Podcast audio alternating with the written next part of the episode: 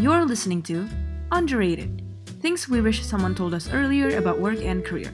I am Dea, and this mini series is brought to you by WeWomen.id, one underrated career advice that actually matters at a time. It was suffocating and I was distracted. I knew I could not wait. Hi everyone, I wonder if any of you who are listening to this right now pernah ngalamin yang namanya patah hati. Alasannya bisa bermacam-macam. Kehilangan orang yang kamu sayangin, kehilangan binatang peliharaan, bisa juga kehilangan pekerjaan during this pandemic, for example.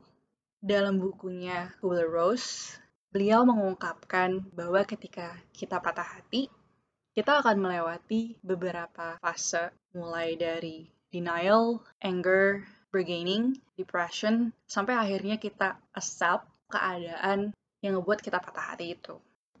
When I was in that moment, I felt weak and paralyzed.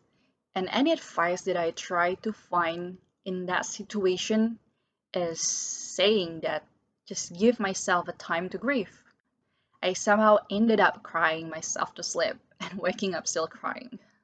I would not eat properly, and worse, I did not function at work at a time. Kalau kamu ngerasa diri kamu saat ini kayak gitu juga, please and very please. It is understandable for you to cry out loud and feel it. So don't worry, don't repress the feeling. Saat itu, aku pengen banget nih dengar advice-advice orang gimana sih dealing with this situation.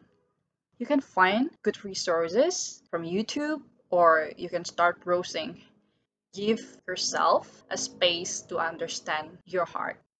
And yes, you will not be surprised. Kamu akan menemukan bahwa semuanya mengencourage kamu nih untuk just feel the pain. Jangan ditahan-tahan. Biarin aja itu ngalir dulu. Aku pengen cerita tentang pengalaman aku bounce back gimana caranya aku get back on track lagi, especially for my work career at the time.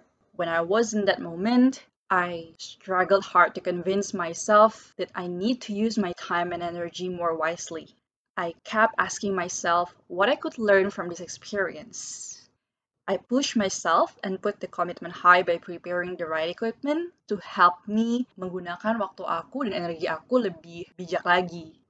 At the moment an idea popped up in my mind, I need to make the journal louder by making it kelihatan setiap aku bangun atau sebelum aku mau tidur nih. Aku bisa tahu hari ini tuh aku udah melalui apa aja dan apa aja sih yang membantu aku untuk lebih dekat dengan hal-hal yang buat aku get back on track dan apa aja yang kayak ngebuat aku kembali ngerasain kesedihan itu lagi.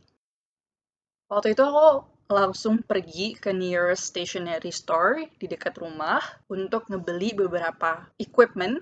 Aku ambil colorful sticky notes, markers, dan uh, semacam tali panjang.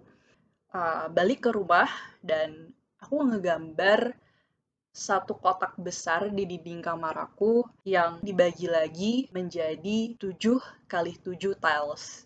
Jadi dalam kotak besar itu akan ada 49 kotak-kotak kecil di mana masing-masing kotak itu nge-represent satu hari.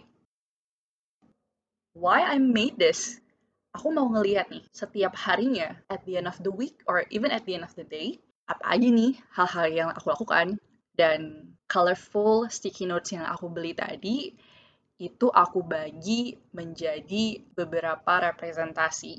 Warna pink akan nunjukin positif atau powerful actions yang aku lakukan di hari itu yang ngebantu aku untuk gak merasa sedih lagi.